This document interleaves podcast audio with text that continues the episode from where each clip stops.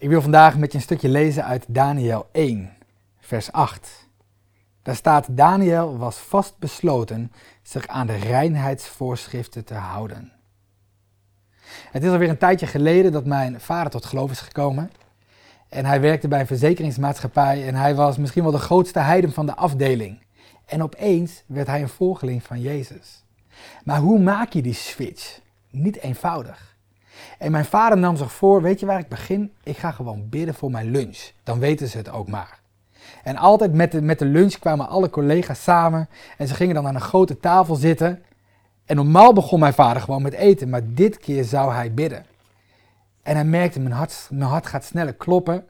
En ik vind het best wel een beetje spannend. Maar op het moment dat hij dacht dat niemand keek, deed hij snel zijn ogen dicht en ook gelijk weer open.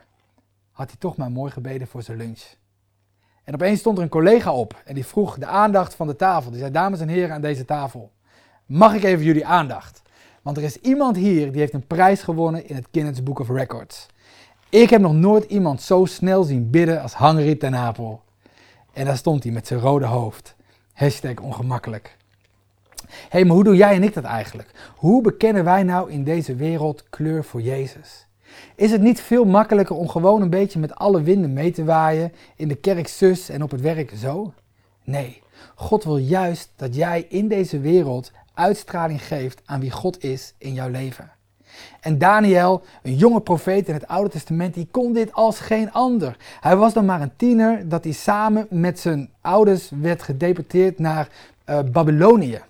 En daar in een heidense omgeving, waar niemand hem snapte, leefde hij radicaal voor de Heer. En dan staat er, hij was vast besloten. Vast besloten om dicht bij zijn Heer te blijven. En als ik dat zo lees, dan denk ik, Daniel, hoe doe jij dat toch? En eigenlijk in die eerste drie hoofdstukken valt op dat Daniel dat niet alleen kon.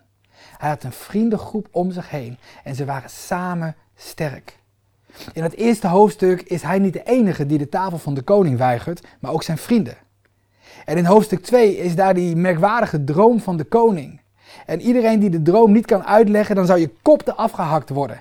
En Daniel rent naar zijn vrienden en ze gaan samen in gebed. En God geeft daar tijdens hun gezamenlijke gebed de openbaring. En in hoofdstuk 3 lezen we dat de koning een beeld laat oprichten tot meerdere ere en glorie van zichzelf. En dat het hele land moet knielen voor dat beeld. En terwijl daar een zee aan mensen knielt, staan daar drie pilaren recht overeind.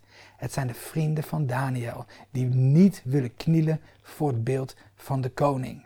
Liever worden ze de vurige oven ingeworpen dan te knielen voor de koning.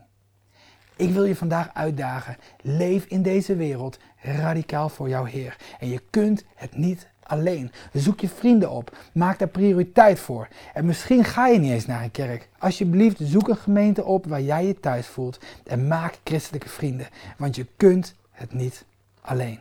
Ik wens je heel veel zegen toe.